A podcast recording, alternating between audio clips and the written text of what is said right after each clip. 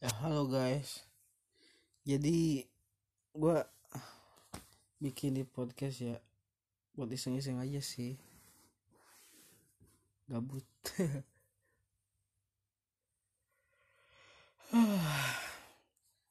Thanks. Udah gitu aja.